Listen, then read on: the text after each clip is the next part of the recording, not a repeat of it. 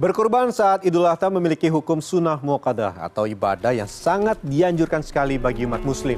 Dan untuk menunaikan ibadah kurban, hewan kurban pun harus memenuhi syarat agar kurbannya sah. Nah, dikutip dari NU Online terdapat sejumlah syarat sah hewan kurban. Pertama, hewan kurban harus hewan ternak seperti unta, sapi, kambing, atau domba. Selain hewan-hewan ternak tadi, tidak bisa dijadikan sebagai hewan kurban. Sementara itu, mewabahnya penyakit mulut dan kuku atau PMK yang menyerang hewan ternak seperti sapi membuat Majelis Ulama Indonesia mengeluarkan fatwa hukum berkurban dengan hewan yang terkena PMK. Itu hewan yang terkena PMK dengan gejala klinis kategori ringan seperti lepuh ringan pada celah kuku, kondisi lesu, tidak nafsu makan, dan keluar air liur lebih dari biasanya ini hukumnya sah untuk dijadikan hewan kurban. Hewan yang terkena PMK dengan gejala klinis kategori berat seperti lepuh pada kuku hingga terlepas dan atau menyebabkan pincang atau tidak bisa berjalan serta menyebabkan hewan sangat kurus, hukumnya tidak sah untuk dijadikan hewan kurban.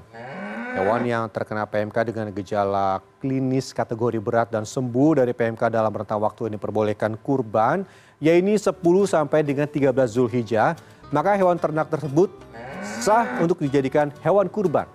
Hewan yang terkena PMK dengan gejala klinis kategori berat dan sembuh dari PMK setelah lewat rentang waktu yang diperbolehkan berkurban, maka sembelian hewan ini dianggap sebagai sedekah, bukan hewan kurban.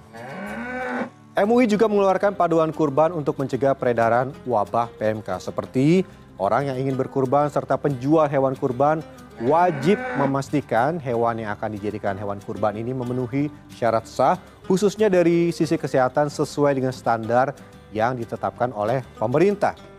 Umat Islam yang melaksanakan kurban tidak harus menyembelih sendiri dan atau menyaksikan langsung proses penyembelihan. Kemudian daging kurban dapat didistribusikan ke daerah yang membutuhkan dalam bentuk daging segar atau daging olahan. Panitia kurban dan lembaga sosial yang bergerak di bidang pelayanan ibadah kurban diwajibkan menerapkan prinsip kebersihan dan kesehatan. Nah, selain syarat-syarat tadi yang perlu diperhatikan adalah waktu penyembelihan. Hewan kurban disembelih pada waktu Idul Adha atau pada 10 Zulhijjah atau setelah lewatnya waktu yang cukup untuk salat dua rakaat dan dua khutbah yang terhitung sejak matahari terbit. Waktu penyembelihan hewan kurban ini berlangsung hingga matahari terbenam pada hari Tosrik yang terakhir, ini pada 13 Zulhijjah.